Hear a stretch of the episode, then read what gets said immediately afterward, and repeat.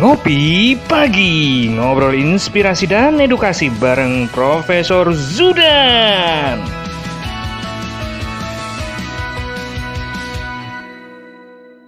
Cara ini didukung oleh Desa Wifi Tol Langit Desa Indonesia. Salam bahagia kerabat Desa Indonesia. Bertemu kembali di Ngopi Pagi bareng Profesor Zudan.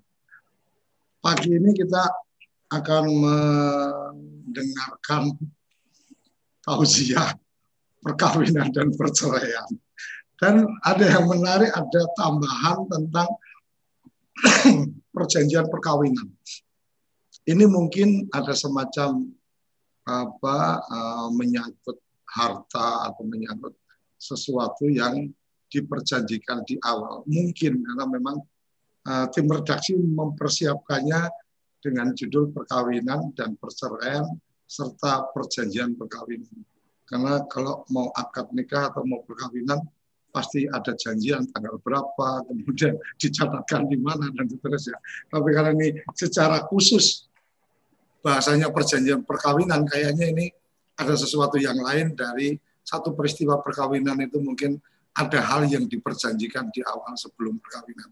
Oke, selamat pagi Prof. Selamat pagi, Assalamualaikum warahmatullahi wabarakatuh, Mas Suryo Koco dan rekan-rekan semuanya. Semoga selalu sehat, selalu berbahagia, dan jangan lupa selalu melakukan pencegahan penyebaran COVID-19, salah satunya dengan selalu memakai masker. Semoga pagi ini kita semua berada dalam lindungan dari Allah Subhanahu wa taala, dimudahkan dalam menunaikan tugas-tugas kita semuanya. Sehat Mas Suryo Koco? Ya, Prof, ini ada yang menarik ini. Kalau perkawinan perceraian uh, mungkin kita sering juga dengar gitu kan. Perjanjian perkawinan kayaknya saya banyak dengarnya itu urusannya artis-artis ini. mungkin uh, Prof Judan boleh berbagi apa uh, pengantar ini yeah. perkawinan, perceraian dan perjanjian perkawinan ini seperti apa? Karena kalau yang saya tahu sepertinya uh, kalau di kampung-kampung kayaknya nggak ada ada perjanjian khusus sebelum menikah dan seterusnya. Tapi mungkin dengan apa kondisi-kondisi saat ini ada beberapa hal yang memang kemudian ada yang diperjanjikan sebelum apa perkawinan. Kalau kalau janjinya uh, sudah jelas apa uh, kalau kalau di Islam itu maharnya apa kemudian janjiannya dibayar lunas atau dibayar dicicil kan itu. Maka Prof, silakan. Ya. Selamat pagi rekan-rekan kerabat desa yang berbahagia, rekan-rekan TV Desa, Mas Suryo Koco dan tim, rekan-rekan media Dukcapil, sahabat Dukcapil, dan seluruh pemirsa TV Desa. Pagi hari ini kita khusus membahas tiga topik yang saling berkaitan. Perkawinan, perceraian, dan perjanjian kawin. Nah, tiga topik ini kita angkat dan kita bahas hari ini karena ini adalah sesuatu yang sangat penting. Salah satu revolusi dalam hidup manusia. Ini Mas Rio saya menyebutnya revolusi. Peristiwa sangat besar di dalam hidup manusia itu adalah saat terjadinya satu tindakan hukum yang menyebabkan dari yang haram menjadi halal. Nah ini revolusi besar ini. Haram menjadi halal. Apa itu tindakan hukum yang dilakukan? Yaitu perkawinan. Nah ini sebuah ikatan suci yang harus dijaga dan negara secara filosofis memberikan perlindungan-perlindungannya. Maka dalam tahapan-tahapan perkawinan, andai kemudian nanti terjadi perceraian, negara ingin terus memberikan penegasan-penegasan berupa pengakuan, ya pengakuan secara hukum, perlindungan secara hukum, sampai ketika pasangan ini ingin membuat ikatan-ikatan berupa perjanjian. Misalnya tentang harta perkawinannya. Maka negara di titik pertama secara filosofis melalui pencatatan perkawinan ini negara ingin memberikan satu bentuk perlindungan dengan dokumen perkawinan. Maka kepada seluruh warga negara, syarat-syarat untuk bisa melangsungkan perkawinan harus dipersiapkan dengan benar. Mulai dari syarat usia, syarat dokumen, kemudian keterbukaan antar pasangan. Ini perlu disampaikan. Saya tidak semata-mata normatif ya, karena syarat keterbukaan ini menjadi penting kepada calon istri dijelaskan bagaimana posisi suaminya, pekerjaannya apa, duda atau masih bujang, itu perlu dijelaskan kepada calon pasangannya sehingga tidak ada yang tertipu. Demikian juga si calon mempelai laki-laki harus dijelaskan oleh si calon mempelai perempuan. Saat menikah ini masih gadis atau sudah janda. Sudah punya anak sebelumnya atau memang masih belum punya anak sehingga di belakang tidak ada yang merasa tertipu sehingga melakukan pembatalan perkawinan. Karena ada setelah menikah ternyata yang disampaikan di awal tidak sesuai dengan fakta, ada pihak yang melakukan pembatalan perkawinan. Nah, dalam proses-proses ini maka negara ikut turun di dalam pengadministrasian. Karena kalau kita melihat syarat sahnya di dalam perkawinan itu adalah adanya eh, sesuatu yang sudah ditetapkan oleh agama, syarat sahnya itu sesuai dengan agamanya masing-masing, kemudian negara melakukan pencatatan. Nah, pencatatan perkawinan ini menjadi penting agar aspek kepastian hukumnya, siapa suaminya, siapa istrinya, sampai kemudian kepada anak-anaknya itu terjaga dengan baik. Nah, siapa yang berwenang melakukan pencatatan perkawinan? Di Indonesia itu dibagi menjadi dua institusi. Yang pertama adalah untuk yang beragama Islam, pencatatannya di institusi Kementerian Agama. Di daerah berada di kantor urusan agama. Kemudian yang beragama non-Islam dicatat di Kementerian Dalam Negeri melalui jajaran Dinas Dukcapil Kabupaten Kota untuk yang beragama non-Islam. Jadi yang beragama Kristen, Katolik, Hindu, Buddha, Konghucu, dan penghayat kepercayaan terhadap Tuhan Yang Maha Esa dicatat di Dinas Dukcapil. Inilah kewenangan kelembagaan. Kemudian di mana tempat mencatatnya? Menggunakan asas domisili. Apabila kedua pasangannya berada di kabupaten yang sama, dicatat di Dinas Dukcapil kabupaten itu, tidak ada persoalan. Tetapi kalau pasangannya memiliki alamat yang berbeda. Satu tinggal di Lampung, alamatnya di Kota Bandar Lampung. Yang satu alamatnya di Kota Tangerang Selatan. Silahkan. Pasangan calon ini boleh memilih di salah satu tempat sesuai alamat kartu keluarganya atau alamat KTP-nya. Nah, inilah dua hal pokok yang perlu kita ketahui. Dan andai ada persoalan, kemudian pas pasangan itu melakukan perceraian. Nah, perceraian pencatatannya sama. Untuk yang beragama Islam, ya, kemudian dicatat di KUA. Telah ada putusan dari pengadilan agama, akte cerainya harus dilaporkan ke KUA. Kemudian yang beragama non-Islam setelah cerai dari pengadilan negeri, kemudian dibawalah putusan perceraian itu ke Dinas Dukcapil untuk diterbitkan akte perceraian. Jadi inilah kelembagaannya yang menikahkan, yang mencatat pernikahannya juga sudah dibagi, yang mencatat perceraiannya juga sudah dibagi. Nah, kemudian implikasi administrasi kependudukannya seperti apa? Karena tadi pencatatan perkawinan dan perceraian yang non muslim eh, yang beragama Islam itu di Kementerian Agama di KUA sedangkan database kependudukan ada di Kementerian Dalam Negeri. Jadi di sini harus dilakukan integrasi data. Apabila tidak ada integrasi data, akan ada misinterpretasi data atau bisa jadi misinformasi data. Karena apa? Data di Dukcapil yang beragama Islam masih bujangan, padahal data di KUA yang bersangkutan sudah memiliki buku nikah. Termasuk yang bercerai. Bercerai yang beragama Islam sudah memiliki akte cerai, tapi belum didata di dalam database Dukcapil. Nah, oleh karena itu, ada dua yang harus dilakukan. Masyarakatnya aktif melapor ke Dinas Dukcapil, Itu langkah pertama. Yang kedua, dua lembaga kantor agama kabupaten dan dinas dukcapil kabupaten kedua-duanya proaktif untuk mengintegrasikan data. Secara nasional, Dirjen Dukcapil dengan Dirjen Bimas Islam juga sudah mulai mengintegrasikan data, tetapi belum bisa semua KUA. Nah, oleh karena itu kabupaten kota bisa melakukan sendiri proses ini sebelum terjadi integrasi data secara nasional. Nah, untuk itu agar tidak terjadi perbedaan penafsiran, langkah proaktif ini harus segera dilakukan.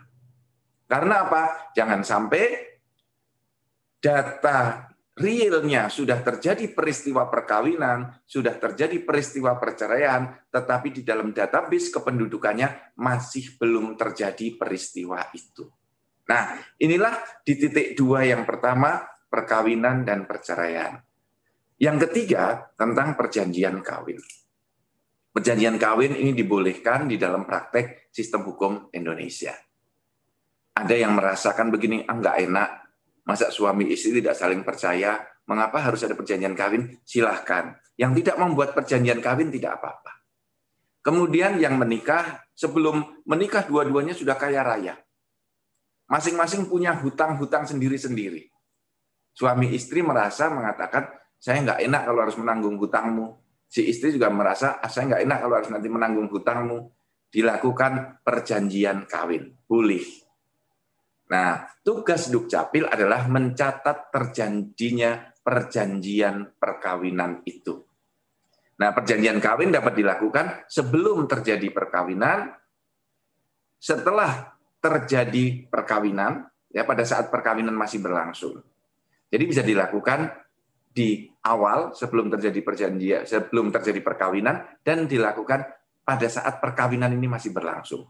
Kalau sudah terjadi perceraian, tidak boleh dilakukan perjanjian perkawinan. Nah, tugas Dukcapil hanya mencatat perjanjian kawin yang sudah dilakukan di notaris. Sudah ada putusan Mahkamah Konstitusi yang mengatur juga kapan perjanjian perkawinan itu dilakukan. Nah ini Mas Suryo Koco pengantar awal, karena di titik tiga titik ini banyak sekali problem-problem yang terjadi di lapangan, sehingga nanti kita perlu membahas secara lebih detail. Ada kawan-kawan saya, Bu Christine, Direktur Capil, ada Bu ya, Santi yang juga menangani kasus-kasus ini secara detail. Nanti bisa menjelaskan secara lebih detail syarat pernikahan itu perlu apa, KTP, kakak, foto, ya. Kalau untuk bercerai pencatatannya bagaimana? Bagikan, bagaimana mencatatnya dalam kartu keluarga? Kalau nikahnya siri. Nah, kalau nikahnya siri, cerainya bagaimana?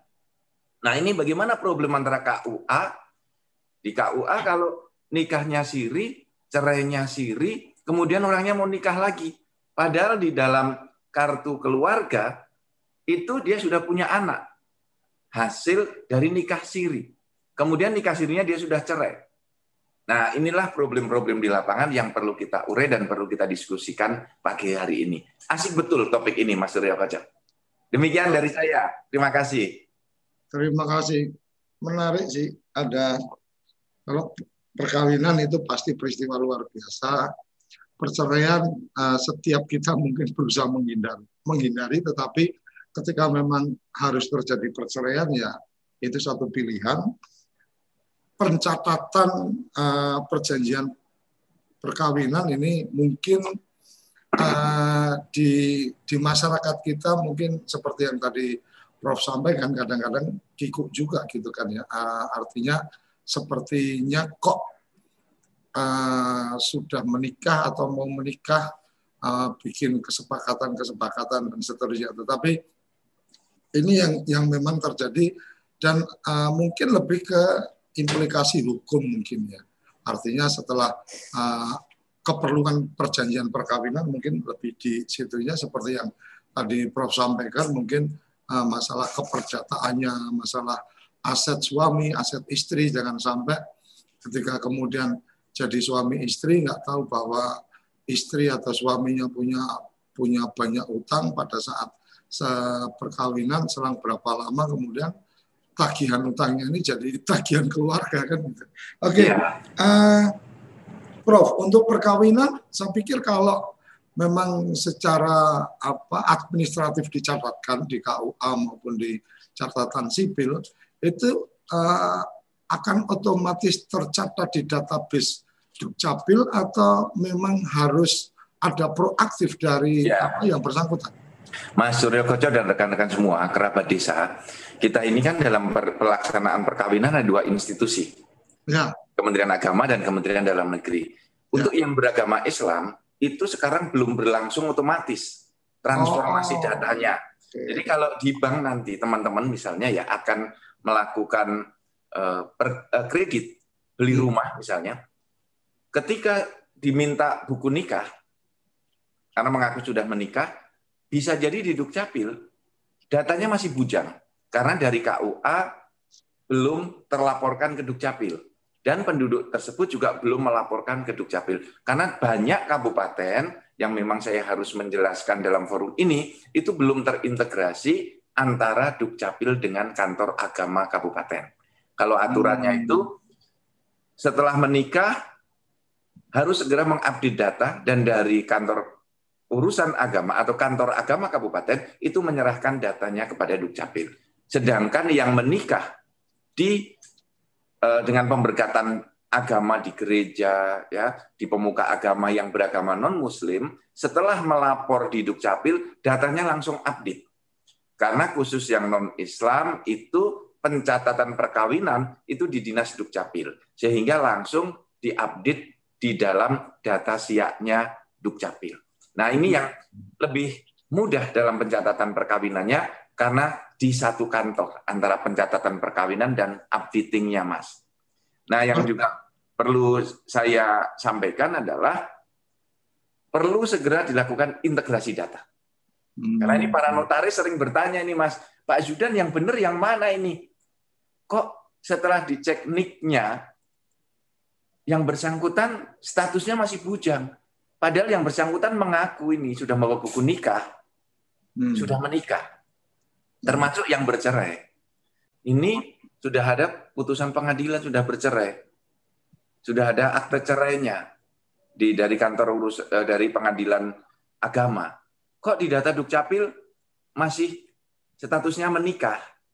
Nah inilah yang Eh, sering kali di lapangan itu masih ter, ditemukan data yang tidak eh, apa namanya data yang tidak sama antara yang sudah terjadi dalam praktek dengan yang ada data di Dukcapil. Maka kuncinya adalah integrasi data. Nah, maka pagi hari ini saya berharap rekan-rekan semuanya secara kelembagaan bisa lebih proaktif. Itu Mas. Tapi Prof, kalau kalau tidak salah ingat waktu saya apa uh, per, apa uh, perkawinan dulu. Artinya pada saat kita mau mendaftar itu kita kan ada apa ke ngurus surat ngurus dokumen. Waktu itu masih ada masih ada ke apa RT RW dan kelurahan waktu itu. Itu kan ada uh, kita mesti mencatatkan apa numpang nikah ya. Karena yeah. saya tidak uh, satu KTP artinya sebenarnya ketika proses itu dilakukan di kantor kelurahan atau kantor desa menerbitkan numpang nikah itu kan mestinya kemudian bisa di diaktifas apa dilakukan update bro. Ini ya. ini untuk untuk yang kemudian ada pencatatan ya karena kan untuk ke KUA kan kita harus ada apa kejelasan juga menikahnya di mana tanggal berapa kemudian akan mengundang apa uh, si juru nikahnya atau apa si pencatat atau kita yang datang ke kantor agama kan gitu. Ya, dari desa atau kelurahan itu belum dikirim Mas datanya ke Dukcapil. Dan kita oh. belum terintegrasi. Jadi kalau nanti ke depan seperti ide kita itu, Dukcapil bisa terintegrasi sampai ke desa, itu menyelesaikan banyak hal. Ya, ya, ya. Uh, updatingnya bisa dilakukan dari bawah. Kalau sekarang ini kan belum selesai proses-proses integrasi, proses updating, dan kita paham betul bahwa masyarakat kita itu dengan proses mengupdate datanya sendiri itu sering kali malas.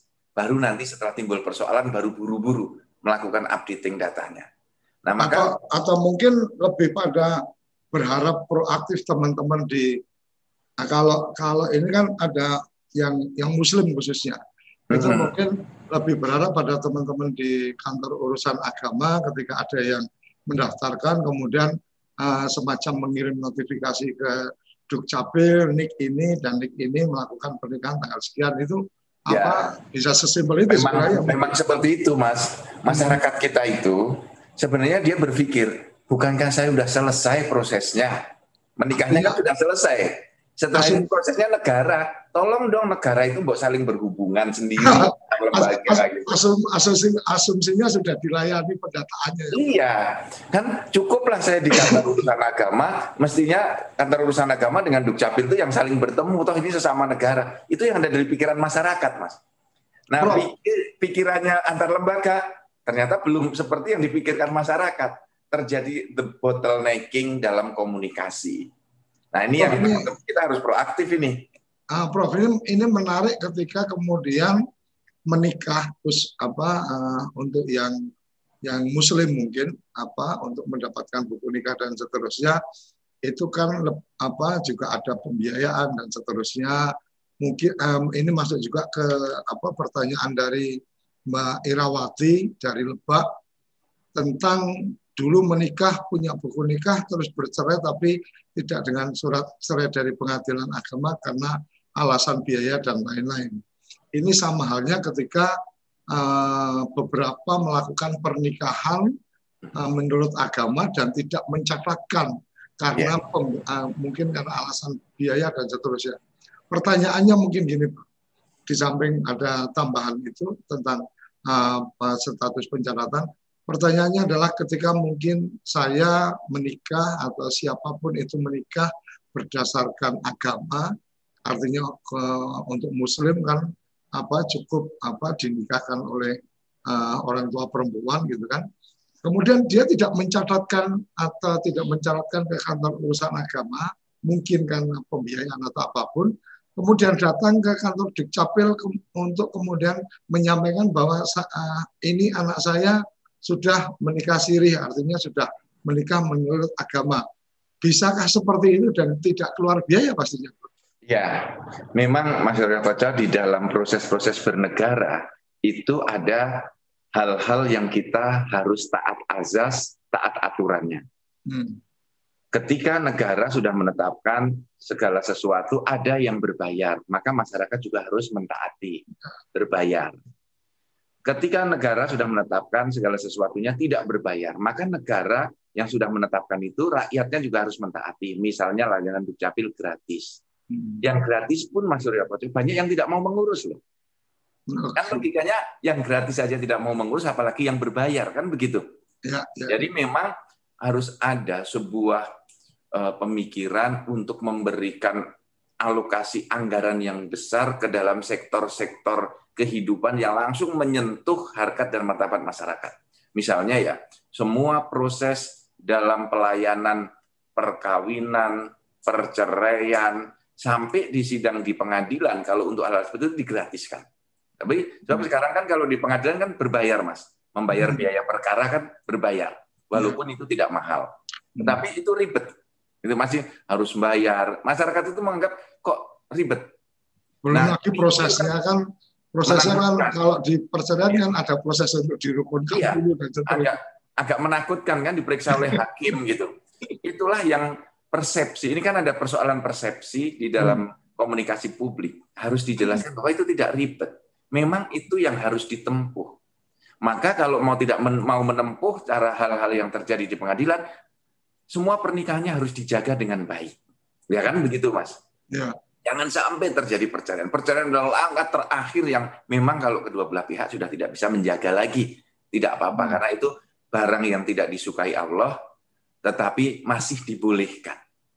Cerai oh. dalam perspektif muslim. Ya. ya. Tapi dalam perspektif agama yang lain yang sudah dipersatukan Allah tidak boleh eh, dipersatukan oleh Tuhan, tidak boleh dipisahkan oleh manusia. Nah, kita kita hormati masing-masing agama itu. Tetapi di dalam bernegara ada proses nomokrasi. Proses nomokrasi itu ketika sudah ditetapkan oleh negara, rakyat harus mengikuti. Nah, inilah menjadi rakyat yang baik itu. Tetapi untuk bisa memenuhi semua harapan rakyat yang baik, negara, aparatur penyelenggara pemerintahan juga harus bertindak baik. Hmm. Yang sudah gratis jangan kemudian dipungut. Nah, solusi yang tadi ditawarkan atau disampaikan oleh Mas Suryo Koco, masyarakat menikah siri karena mau mengurus pencatatan ke kantor urusan agama dianggap ribet, jauh, perlu biaya. Nah, kemudian Dukcapil melakukan pencatatan karena itu memang tugas atau mandat yang diberikan oleh negara kepada Dinas Dukcapil. Hmm. Jadi kepada rekan-rekan notaris yang hadir di sini, rekan-rekan Kementerian Agama yang hadir di sini, mohon dipahami bahwa yang dicatat oleh Dinas Dukcapil itu bukan kemudian melegalkan dalam tanda kutip kumpul kebu, bukan. Karena yang dicatat oleh Dukcapil adalah nikah yang sah. Ya. Kumpul kebu. Kalau kumpul kebo itu bu, bukan nikah. Tidak ada tidak ada pernikahan berdasarkan ya. agama. Tidak ada syarat sahnya nikah, rukun nikahnya yang terpenuhi. Ya. Kalau kumpul kebo itu. Tetapi yang dicatat dalam kartu keluarga, saya perlu tegaskan betul dalam forum ini adalah bahwa pernikahannya terjadi, peristiwa nikahnya terjadi. Kedua mempelai, ada saksi, ada mahar, ada wali, dan peristiwa nikahnya terjadi. Ijab kabulnya terjadi. Nah, itulah yang dicatat di Dukcapil dengan sebutan kawin belum tercatat. Artinya yang bersangkutan belum memiliki buku nikah dari KUA atau belum memiliki akte perkawinan dari Dinas Dukcapil karena baru dilakukan pemberkatan agama. Nah, ini yang di Dukcapil sudah mencatat terjadinya peristiwa. Hmm. Tetapi belum memiliki buku nikah. Nah, pencatatan ini untuk memberikan pengakuan kepada terjadinya peristiwa itu. Mengakui, negara ini mengakui. Hmm. Nah, untuk apa? Untuk memberikan perlindungan kepada anak, memberikan perlindungan kepada istri. Hmm. Kenapa harus dilindungi? Karena nanti istri memiliki hak terhadap harta gonogini yang di, yang diperoleh selama perkawinan. Hmm. Anak nanti kalau kawin belum tercatat, dicatat di kolom, seingat saya kolom 16, kolom 17 di kartu keluarga, itu nanti diketahui siapa ayahnya, siapa yang menjadi wali saat pernikahan. Hubungan nasabnya, hubungan keturunannya bisa diketahui. Jadi tugas Dukcapil di sini terhadap perkawinan yang belum tercatat, salah satunya memberikan kepastian hukum terhadap terjadinya peristiwa. Karena kita banyak sekali mencatat peristiwa-peristiwa perkawinan di Indonesia itu yang variannya banyak sekali. Hmm. Yang tercatat sudah oke. Okay. Tapi yang tercatat ini pun ada variannya. Mereka tidak berasal dari satu daerah. Sehingga ada pertanyaan, kalau nanti kami membuat uh, buku nikahnya, kami di mana ini? Silahkan Anda memilih di salah satu domisili. Kemudian mau mencatatkan perkawinannya di mana? Silahkan lewat dinas dukcapil di salah satu tempat Anda berdomisili. Silahkan. Hmm, okay. Nah, ini yang kemudian, nah, yang nikah belum tercatat. Alamatnya berbeda lagi. Ke mana kami harus melaporkan? Nah, kita sarankan mereka disatukan dalam satu kakak sehingga hubungan ayah, ibu, dan anak serta hubungan dalam keluarganya terbaca dengan lebih jelas. Nah, hmm. nanti implikasinya Mas Suryo Koco yang tadi, kalau nikah sudah tercatat, tidak bisa kemudian cerainya tidak tercatat. Jadi artinya oh. begini, kalau sudah punya buku nikah, Anda harus bercerainya di pengadilan. Karena hmm. itu untuk membatal dalam tanda kutip untuk menegas, menegasikan bahwa perkawinannya sudah putus. Tapi Karena Prof, Prof, maaf Prof, kalau kasus kemudian oh. tidak dicatatkan, nanti tidak bisa merubah pencatatannya. Untuk untuk kasus yang disampaikan Mbak Irawati tadi, ketika kemudian sudah tercatat, ya. ini saya jadi ingat kemarin sempat apa uh, main ke Dukcapil itu pertanyaannya sudah apa menikah tercatat atau belum tercatat gitu kan. Iya, ditanya seperti itu. Mungkin karena sekarang ada update data itu. Tapi ya. kalau kemudian pernikahan sudah tercatat, kemudian uh, punya buku nikah pada saat cerai, mereka uh, artinya kan kemudian harus ada surat cerai uh, dari pengadilan. Ketika iya. kemudian uh, tadi Mbak Irawati menanyakan uh, secara agama mereka sudah men, apa sepakat untuk kemudian bercerai tapi belum ngurus surat cerainya, itu uh, Dukcapil nggak bisa membuat catatan bahwa mereka bercerai. Iya, Dukcapil Mas, itu kan bekerja berdasarkan atas bukti dokumen. Karena dokumen yang dimiliki oleh kedua uh, oleh pasangan tadi itu dokumen perkawinan. Dia belum memiliki dokumen perceraian. Maka kalau Dukcapil mencatat, nanti salah satu pihak komplain dengan menunjukkan dokumen, saya belum bercerai, itu nggak bisa. Artinya kalau kalau mencatatkan tanpa dokumen, artinya kawin belum tercatat, itu bisa langsung di Dukcapil kemudian Betul. cerai. Cerainya, Tapi kalau sudah ada catatan, maka harus ada catatan balik bahwa sudah bercerai.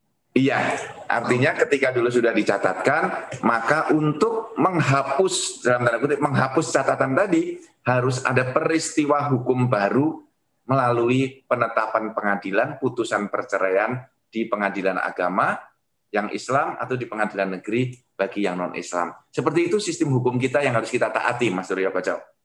Oke, Prof. Uh, yang yang saya tangkap mungkin uh, satu hal yang menjadi catatan menarik adalah ketika ini khususnya untuk teman-teman yang muslim ketika kemudian apa uh, melakukan pernikahan tanpa mencatatkan di kantor urusan agama maka saran yang bisa disampaikan adalah sebaiknya dicatatkan di apa dukcapil setempat. Setidaknya mungkin ini para apa uh, pemuka-pemuka agama di samping memang secara agama sudah sah, tapi baiknya dicatatkan uh, ke negara ketika belum bisa mungkin dengan alasan apa pun ke kantor urusan agama, setidaknya uh, sekarang ada ada ruang, ada ada pencatatan di Dukcapil adalah menikah belum tercatat. Artinya mereka bisa menyampaikan bahwa sudah melakukan pernikahan menurut agama, tetapi belum dicatatkan ke kantor urusan agama. Kira-kira begitu ya, ya. Pak?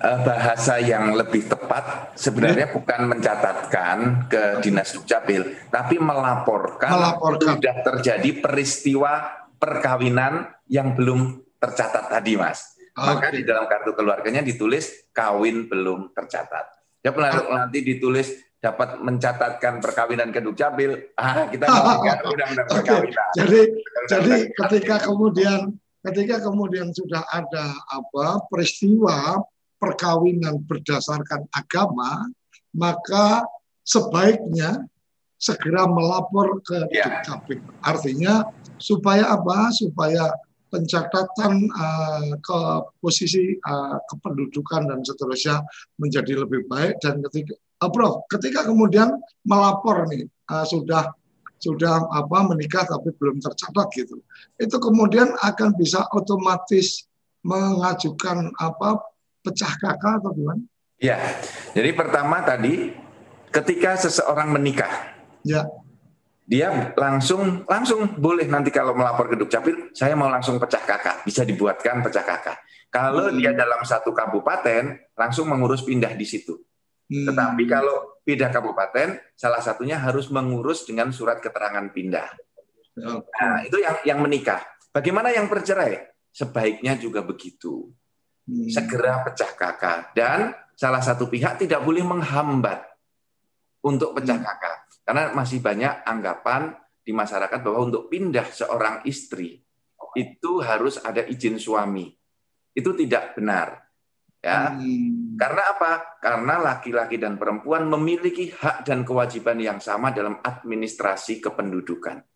Ya, maka di dalam Perpres 96 tahun 2018 untuk pindah seorang perempuan tidak perlu syarat ya, izin dari suami.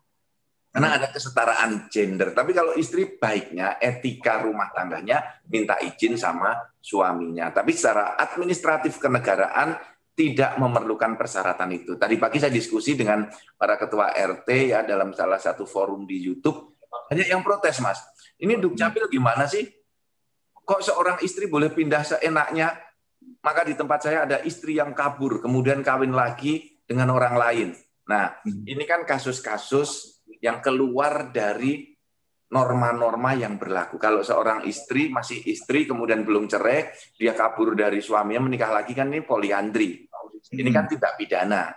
Jadi hmm. kasus-kasus yang kecil tidak boleh kemudian menjadi satu penyebab merubah semua sistem besar yang sudah utuh, yang yang sudah berjalan dengan baik. Jadi kasusnya itu yang kita selesaikan. Bias-biasnya itu yang kita selesaikan. Jadi jadi sering Mas, pagi saya memeriksa di medsos, memeriksa di WhatsApp saya ada beberapa teman ketua RT, ketua RW yang menyampaikan problem-problem real di lapangan.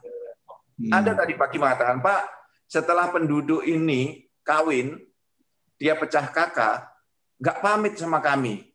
Dia pindah tempat lain, dia masih punya tunggaan belum membayar iuran bulanan. Saya jawab, ya itu urusanmu mas, bukan urusannya Dukcapil. Kami nggak sanggup kalau harus nangani semua orang yang pindah, lunasi dulu iuran bulanannya di RT itu. Mah berat kayak angkat tangan saya mas. Oke, Prof, nggak terasa ini sudah di tengah uh, jam kita. Kayaknya kita mesti ngaduk kopi dulu. Uh, kerabat desa, sahabat Dukcapil, jangan ke mana-mana. Ada beberapa hal nanti kita akan lebih dalam lagi. Ini apa chatting di room apa chat zoomnya banyak banget dan beberapa di uh, channel YouTube juga banyak yang apa uh, bertanya. Nah, saya coba inventarisir uh, untuk itu uh, kita akan jeda sesaat. Jangan ke mana-mana, tetap di ngopi pagi bareng Prof Kamu tinggal di pulau terpencil, pegunungan pinggiran kota, atau daerah di Indonesia yang tidak terjangkau jaringan fiber? ADSL, dan juga 3G. Internetan dengan cepat pasti cuma akan menjadi mimpi. Mau pakai tol langit, pakai desa wifi, kunjungi www.desawifi.id.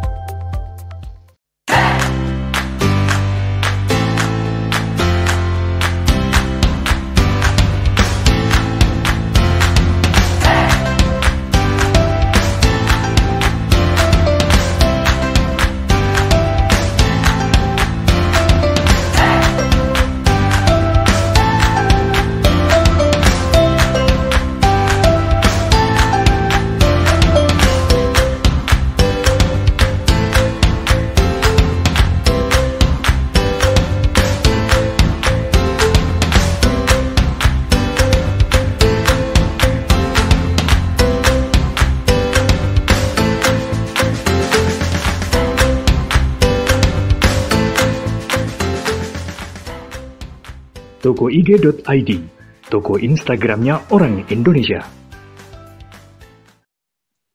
Oke, kembali ke ngopi bareng Prof. Zudan. Uh, kayaknya ini seru, akan banyak hal yang menarik, tapi saya khawatir kelewatan untuk apa uh, materi yang sudah disiapkan oleh tim redaksi. Jadi mungkin di sesi kedua ini kita uh, lebih bicara tentang perjanjian perkawinan. Jadi uh, perjanjian perkawinan itu dalam hal ini apakah kemudian Dukcapil itu mencatat perjanjian perkawinan itu berdasarkan yang sudah dicatatkan di apa notaris mungkin atau yang sudah dicatatkan di uh, pengadilan mungkin atau kemudian bisa membuat apa pernyataan antar apa uh, mereka arti, artinya pasangan membuat surat pernyataan di atas materai kemudian itu dicatatkan di atau dilaporkan lah bukan dicatatkan tapi dilaporkan ke Dukcapil. Gimana ini, Prof? Ya, terima kasih Mas Surya Koco, rekan-rekan semua, sahabat Dukcapil, kerabat desa yang berbahagia dan seluruh pemirsa TV Desa. Mengenai pencatatan perkawinan, saya ingin memberikan penegasan kembali. Satu, perjanjian perkawinan dan pencatatannya itu bisa dilakukan setelah uh, si pihak yang melakukan perjanjian perkawinan itu satu melakukan perjanjian perkawinannya sebelum perkawinan. Yang kedua pada saat terjadinya perkawinan. Yang ketiga dalam masa perkawinan dalam waktu yang panjang dia boleh melakukan perjanjian perkawinan. Kemudian tempatnya di mana melakukan perjanjian perkawinan? Bisa di Indonesia, bisa di luar negeri. Nah, nanti mencatatnya di mana? Di Dinas Dukcapil tempat tinggal pasangan calon itu. Jadi setelah terjadi perjanjian kawin ya, sebelum kawin, pada saat kawin, selama masa perkawinan, dia membuatnya boleh di luar negeri, boleh di dalam negeri, mencatatnya adalah di Dinas Dukcapil tempat tinggal dari kedua mempelai itu. Nah, hmm. ada pertanyaan lagi, Pak, kedua mempelai tempat tinggalnya berbeda, boleh dicatat di salah satu Dinas Dukcapil, boleh memilih. Nah, apakah kemudian perjanjian kawin bisa dilakukan perubahan? Bisa. Silahkan dilakukan perubahan di notaris nanti di Dukcapil melakukan pencatatannya, memberikan apa catatan pinggir di dalam setelah dilakukan pelaporan, Dukcapil melakukan pencatatan, kalau ada perubahan dilakukan catatan pinggir. Bolehkah perjanjian kawin dibatalkan? Nah, di dalam tindakan-tindakan hukum, tindakan hukum itu boleh dirubah, boleh dicabut, boleh dibatalkan. Tentu saja tetap melalui proses-proses di depan notaris atau dengan akta notaril. Kalau tidak ada akta notarilnya, Dinas Dukcapil tidak akan melakukan pencatatan. Oleh karena itu, Dinas Dukcapil melakukan pencatatan bila syarat-syaratnya sudah terpenuhi. Apa syaratnya? Pertama harus ada fotokopi KTPL. Kedua, fotokopi kartu keluarga. Kemudian ketiga, kutipan akta perkawinannya. Nah, kemudian yang keempat tentu saja harus ada akta perjanjian notaril tadi. Nah, kalau keempat syarat ini tidak ada, maka Dinas Dukcapil belum bisa melakukan pencatatan. Atau mudahnya, Dinas Dukcapil melakukan pencatatan perkawinan, eh, melakukan pencatatan perjanjian perkawinan bila syaratnya sudah terpenuhi. Nah, seperti apa pencatatan perjanjian kawin ini. Mungkin teman-teman bisa menunjukkan salah satu contoh eh, dokumen sudah dilakukan pencatatan di salah satu dinas Dukcapil. Ya, ada kutipannya, kemudian ada pencatatannya. Mungkin Mbak Diana bisa membukakan itu. Nah, ini. Jadi seperti itu Mas Suryo Koco proses-proses di dalam pembuatan uh, perjanjian kawin dan pencatatannya. Prof, artinya Artinya kalau melihat satu dua tiga empat semua apa perjanjian perkawinan itu uh, harus dalam konteks tercatat di uh, notaris ya, Bro. Iya, harus perjanjian kawin dilakukan secara notaril, dibuat di hadapan notaris, hmm. ditanda dibuat dengan akta notaris. Artinya kalau kemudian semacam uh, lembar surat pernyataan bersama disaksikan oleh siapa dan seterusnya di atas meterai dan sebagainya nggak bisa di, iya. dicatatkan. Kita kita harus dengan akte yang ditandatangani secara notaril, Mas. Karena itu nanti kekuatan hukumnya sesuai dengan sistem hukum yang berlaku di Indonesia. Hmm. Oke, oke, oke. Oke, berarti untuk uh, setidaknya di bagian uh, perjanjian perkawinan tadi karena memang ini apa uh, ada tiga perkawinan perceraian dari sekilas sudah. Kemudian perjanjian perkawinan yang menjadi penting adalah bahwa ada bagian perjanjian perkawinan atau uh, perjanjian yang dilakukan oleh suami istri tentang sesuatu itu bisa sebelum dilakukan apa perkawinan pada saat perkawinan dan juga pada saat uh, berlangsung atau masih sebagai suami istri. Ya. Perjanjian perkawinan tidak bisa dilakukan manakala mereka sudah terjadi perceraian, kan gitu ya? Ya, betul. Sudah terjadi perceraian atau dia memberlakukan surut. Memberlakukan Seperti apa memberlakukan surut? Apa Salah satu pasangannya sudah cerai mati dia membuat perjanjian, ah, aku mau membuat perjanjian. Lah gimana membuat perjanjian, mau istrinya sudah mati. Ini yang hmm. perlu saya sampaikan karena ada pencatatan perkawinan yang bisa dilakukan setelah salah satu pasangannya meninggal dunia, Mas. Ini karena ada pencatatan perjanjian perkawinan. Bukan. Kalau pencatatan perjanjian pembuatan perjanjian kawin tidak ya. bisa dilakukan setelah salah satunya meninggal dunia, tidak bisa. Ya, oke. Okay. Tetapi kalau pencatatan perkawinan, perkawinannya salah satunya meninggal dunia, itu bisa dilakukan pencatatan. Ini sudah diatur dalam Permendagri 108 tahun 2019. Nah ini yang perlu saya sampaikan karena ada beberapa pertanyaan. Pak, boleh nggak salah satu pasangannya sudah meninggal dunia? Ini kan untuk mengetahui kebenaran data pasangan suami istri, Mas. Terkait dengan hak mewaris dan hak anak-anak. Hmm. Ini kan kalau mau ada pembagian warisan, ini kan kedua orang tuanya siapa? Hmm. Ini harus jelas hubungan perkawinannya seperti apa.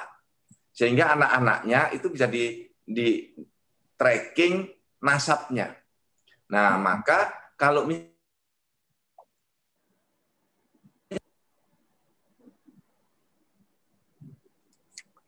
Halo, Prof.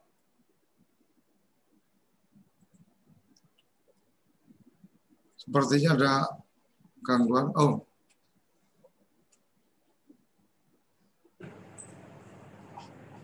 Ini maaf ada gangguan kameranya nggak jalan ini.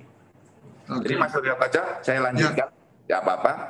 Ya. Eh, ketika ada salah satu yang meninggal dunia, suaminya misalnya meninggal dunia, kemudian ada kebutuhan untuk melakukan pencatatan, mm -hmm. Karena perkawinannya belum tercatat, maka bisa dilakukan pencatatan dengan modal membuat SPTJM menyatakan kebenaran bahwa antara laki-laki dan perempuan tadi sebagai pasangan suami istri. Ini diatur dalam pasal 50 Permendagri 108 tahun 2019. Itu khusus pencatatan perkawinan bagi salah satu yang pasangannya sudah meninggal dunia. Nah, untuk itu kita kembali sedikit ke depan. Syarat pencatatan perkawinan itu tadi. Satu, surat keterangan sudah terjadi, bagi yang non-muslim itu surat keterangan sudah terjadi perkawinan. Kemudian pas foto, kemudian fotokopi KK, KTPL, bagi duda atau janda, ini mas, duda atau janda harus melampirkan surat kematian. Jadi kalau ah, terjadi kematian segera dilampirkan karena tidak bisa menikah lagi bagi seorang perempuan karena dianggap masih memiliki suami kalau belum melaporkan akte kematiannya. Dan bagi janda dan duda karena cerai hidup harus melampirkan akte perceraiannya. Nah, kalimat ini berimplikasi kalau melampirkan akte perkawinan eh, melampirkan akte perceraiannya berarti dia nikahnya tercatat. Nah, bagaimana kalau yang nikah tidak tercatat? Harus membuat SPT-JM, surat pernyataan tanggung jawab mutlak bahwa kedua pasangan ini sudah bercerai. Karena dulu nikahnya siri belum dicatat, maka cerainya juga cerai yang belum dicatat oleh negara. Maka sebagai bukti sudah terjadi perceraian, maka dibuatlah SPT JM. Nah inilah tugasnya Dukcapil untuk memberikan catatan di dalam kartu keluarganya. Bukan memberikan eh, apa namanya dokumen dari Dinas Dukcapil bahwa yang Islam tadi sudah cerai, tetapi hanya mencatat telah terjadi peristiwa perceraiannya. Jadi Dukcapil bukan menerbitkan dokumen telah terjadi perkawi, eh, telah terjadi perceraiannya, tetapi Dukcapil hanya mencatat dari laporan penduduknya bahwa di Dukcapil memberikan catatan dalam kartu keluarganya bahwa yang bersangkutan sudah cerai tetapi belum dicatat oleh negara. Ini perlu saya garis bawahi Mas Suryo Koco agar tidak timbul pandangan yang menyebutkan bahwa Dukcapil menerbitkan dokumen perceraian yang tidak dicatat oleh negara. Nah ini yang harus kita hindari bersama. Dukcapil mencatat terjadinya peristiwa berdasarkan laporan dari penduduknya. Seperti itu Mas Suryo Koco. Oke, jadi uh, kerabat desa yang harus dipahami bahwa Dukcapil tidak melakukan apa uh, pencatatan, tetapi lebih pada uh, membuat catatan laporan istilahnya seperti itu ya Prof ya. Iya. Artinya bukan betul. kemudian bahwa oh, aku apa uh, aku udah kawin tercatat di Dukcapil bukan tapi aku udah kawin aku udah kawin dan sudah melapor ke Dukcapil. Betul. Mungkin itu ya Prof. Itu, ya. seperti itu. Saya sudah bercerai dan sudah saya laporkan ke Dukcapil. Ya. Cerai bisa secara cerai negara, bisa cerai agama, tapi saya sudah lapor ke Dukcapil gitu. Artinya jangan sampai kemudian beranggapan dari kalau repot-repot ke KUA udah catat aja di, di, Dukcapil. Bukan itu, Dukcapil Bukan. hanya hanya menerima laporan dan kemudian memberikan catatan kependudukannya. Gitu ya, Prof ya? Iya, betul, Mas Rizal Kaca. Oke, okay. yeah. Oke, okay. uh, ini Prof ada ada dari Wintarti Kediri. Ini kayaknya agendanya lebih pada bagaimana koordinasi antara Dukcapil dengan uh, sahabat Dukcapil dengan teman-teman di kantor urusan agama. Permasalahan kalau kawin belum tercatat di uh, pada kakak, sedangkan di KTP tercatat kawin. Ketika yang bersangkutan akan menikah di KUA, ditolak dan disuruh merubah belum kawin. Mohon penjelasan ini. Iya. agak agak agak agak agak menarik juga. Gimana ini, Bro? Di KTP ya. sudah tercatat kawin, tetapi ini uh, kawin belum tercatat, kemudian di KTP-nya tercatat kawin, KUA-nya menolak. Gimana ini, Bro? Nah, ini memang yang sekarang sedang kami selesaikan dengan Dirjen Bimas Islam. Kami dari level nasional sedang berembuk. Kalau perkawinan ini kan terjadi begini, Mas Rio Kacau. Dia sudah kawin, kawin siri. Ya, Maka betul. keluarganya ditulis kawin belum tercatat. Hmm. Di KTP itu aplikasinya hanya ada kawin sama belum kawin. Nah, kami sedang oh. memperbaiki agar agar dimunculkan sama dengan di kartu keluarga. Kalau di kartu keluarga kawin belum tercatat, di dalam KTP juga kawin belum tercatat. Ini nanti hmm. juga mendorong agar masyarakatnya itu merasa apa ya? Satu risih saya kok ditulis kawin belum tercatat. Nah, agar bisa menjadi kawin tercatat nanti itu melakukan isbat nikah. Jadi yang dulu-dulu nikah siri dikumpulkan bareng dilakukan isbat nikah. Nah, kami hmm. dengan Kementerian Agama sekarang dengan Dirjen Bimas Islam sedang menyelesaikan persoalan ini. Kalau orangnya dulu sudah pernah nikah siri, kemudian dia cerai, itu nanti di dalam eh, KTP-nya juga ditulisnya cerai.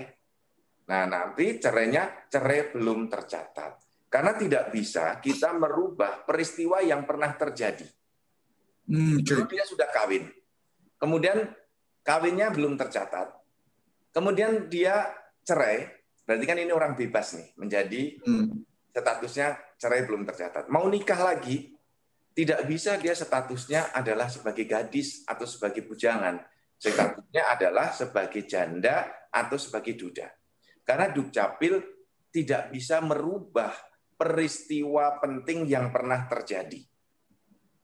Kecuali hmm. ada pembatalan. Maka hmm. kami tetap teguh bertahan menyampaikan ke Kementerian Agama, nggak bisa. Kalau perkawinan sudah pernah terjadi, tidak ada istilah ditulis belum kawin. Maka hmm. istilah yang tepat adalah cerai belum tercatat. Tetapi kalau dia nikah siri, kemudian salah satu pasangannya meninggal dunia, maka otomatis tulisannya di KTP cerai mati. Itu Mas. Hmm. Jadi ini memang kita harus duduk bersama kami lah ya saya bersama Dirjen Bimas Islam untuk menyelesaikan problem ini karena ini problem real. Jadi Mas Suryo Koco, rekan-rekan semuanya, kerabat desa dan seluruh sahabat Dukcapil. Hmm. Penduduk Indonesia itu banyak yang menikahnya belum tercatat. Banyak sekali. Maka tugas kita bersama adalah mendorong literasi agar yang menikah segera melakukan pencatatan. Setelah e, menikah, segera dilakukan pencatatan. Atau saat pernikahan, sekaligus diikuti dengan pencatatan. Yang kedua, kalau menikahnya sudah beberapa tahun yang lalu, segera lakukan isbat nikah. Sehingga hmm. suatu ketika nanti semua perkawinan di Indonesia sudah tercatat dalam dokumen negara sehingga tidak ada lagi babaliut problem-problem yang terjadi. Tentu saja ini perlu waktu Karena dalam pandangan masyarakat yang seperti tadi di awal Mas Suryo Koco, ngurus pencatatan perkawinan itu ribet. Biayanya banyak. Nah, ini yang perlu ikhtiar dari negara. Oke. Prof ini ada dari mahasiswa tapi sepertinya ini bagian sudah pernah apa ada di apa salah satu obrolan kita yaitu tentang uh, mahasiswa UNS izin bertanya perkawinan lebih dari satu kali, beristri lebih dari satu, sah menurut negara. Uh, bagaimana Pak nanti administrasi kependudukannya mulai kakak dokumen lainnya karena masih menjadi hal yang membingungkan buat kami.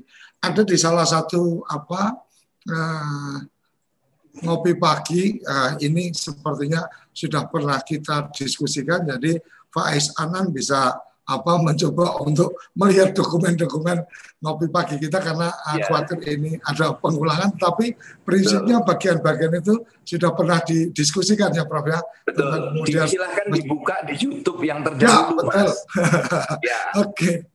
uh, Prof ini mungkin uh, ada juga uh, tentang ini yang menarik nih Prof Primus Desa Jago Assalamualaikum saya dari Desa Jago Praya Lombok tengah.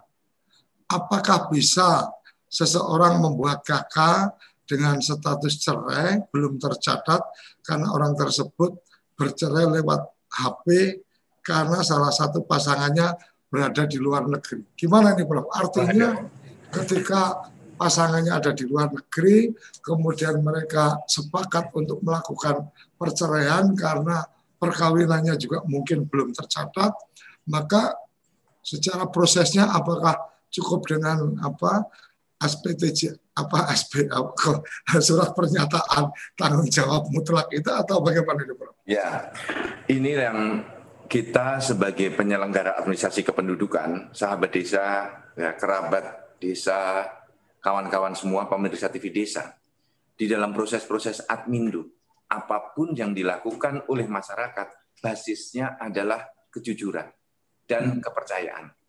Trust and honesty. Kalau tidak jujur, nanti akan ada masalah hukum di belakang hari. Nah, bagaimana dengan perkembangan teknologi? Dapatkah mentalak lewat handphone? Ini juga masih diskusi, Mas. Perdebatannya hmm. masih panjang.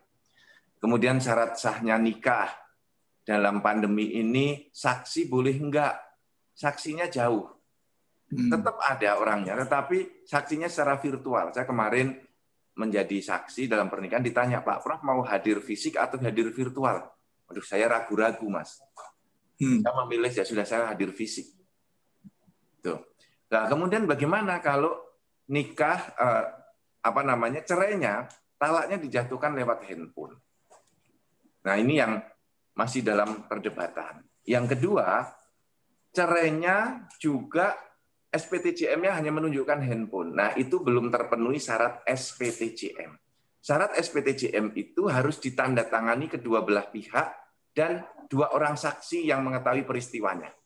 Nah, oleh karena itu, Mas Suryo Koco, kalau ada yang bertanya seperti itu, eh, rekan tadi, tolong diproses saja melalui mekanisme email dari yang bersangkutan. Dibuat SPTJM-nya, ditandatangani para pihak, dikirim lewat email.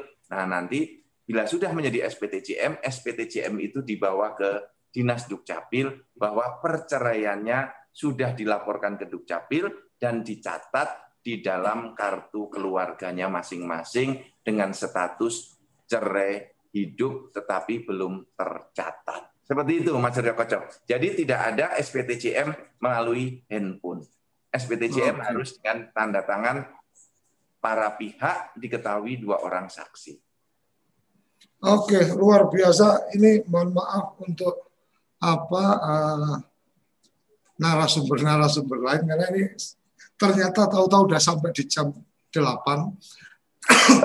perkembangan perkembangan teknologi memang luar biasa. Salah satunya uh, mungkin bisa menjadi satu catatan ketika seperti kita Zoom meeting kali ini ketika kemudian semua terikot dengan baik maka sebenarnya itu sudah bisa menjadi menurut saya sih sudah bisa menjadi satu catatan bukti uh, tentang satu peristiwa tertentu bahwa secara kemudian administratif memang tetap harus ada surat menyurat dan seterusnya maka kemudian uh, prosesinya uh, kalau dulu harus saling ketemu tanda tangan barang dan seterusnya sebenarnya bisa saja tetap seperti saya dengan beberapa uh, klien kita nggak pernah ketemu secara fisik cukup apa tektokan kesepakatannya seperti apa dokumen mereka yang bikin sudah ditanda tangan di sebelah sana, kirim ke kita, di kita tanda tangan sebelah sini, satu dikirim balik ke sana, dan itu yeah. sebenarnya sudah selesai. Jadi yeah. bagaimana uh,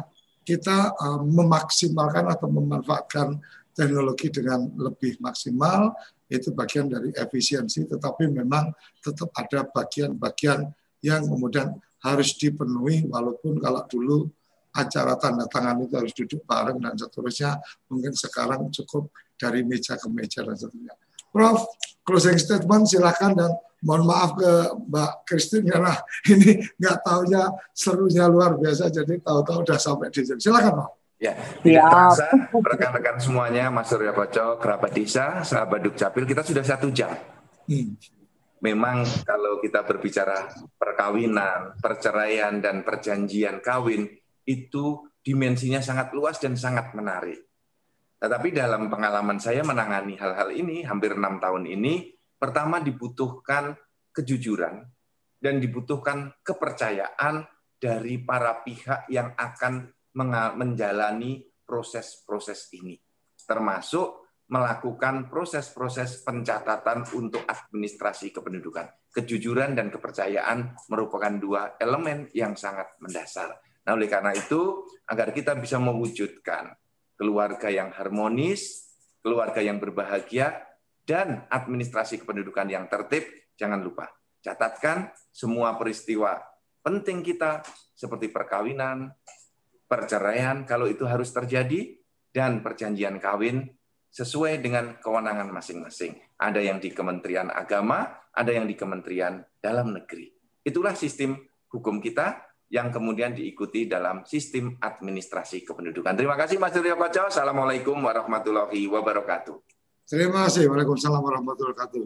Sahabat uh, Dukcapil, kerabat desa, jadi ada sesuatu yang menarik tadi dari apa yang disampaikan Prof. Yudan di luar dari tema atau topiknya adalah kalau ke Dukcapil itu urusannya adalah lapor Dukcapil. Jadi setiap warga negara itu perlu lapor Dukcapil tentang peristiwa-peristiwa yang ada di apa catatan kependudukan kita. Jadi kalau apa uh, kenapa saya lebih melihat lapor Dukcapil ini jadi penting karena sebenarnya Dukcapil melebih melakukan pencatatan karena ada laporan.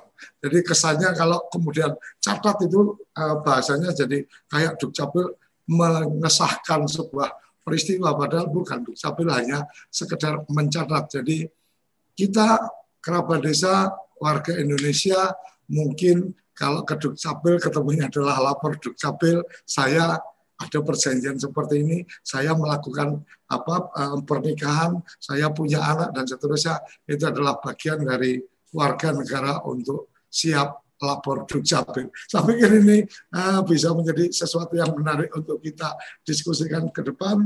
Sayang sekali waktu kita uh, sangat terbatas.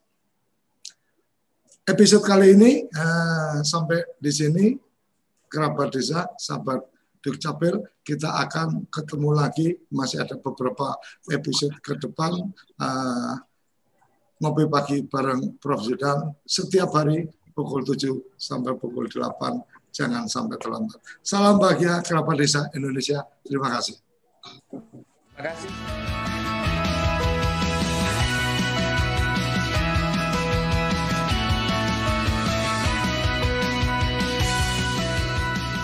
Ngopi Pagi, ngobrol inspirasi dan edukasi bareng Profesor Zudan.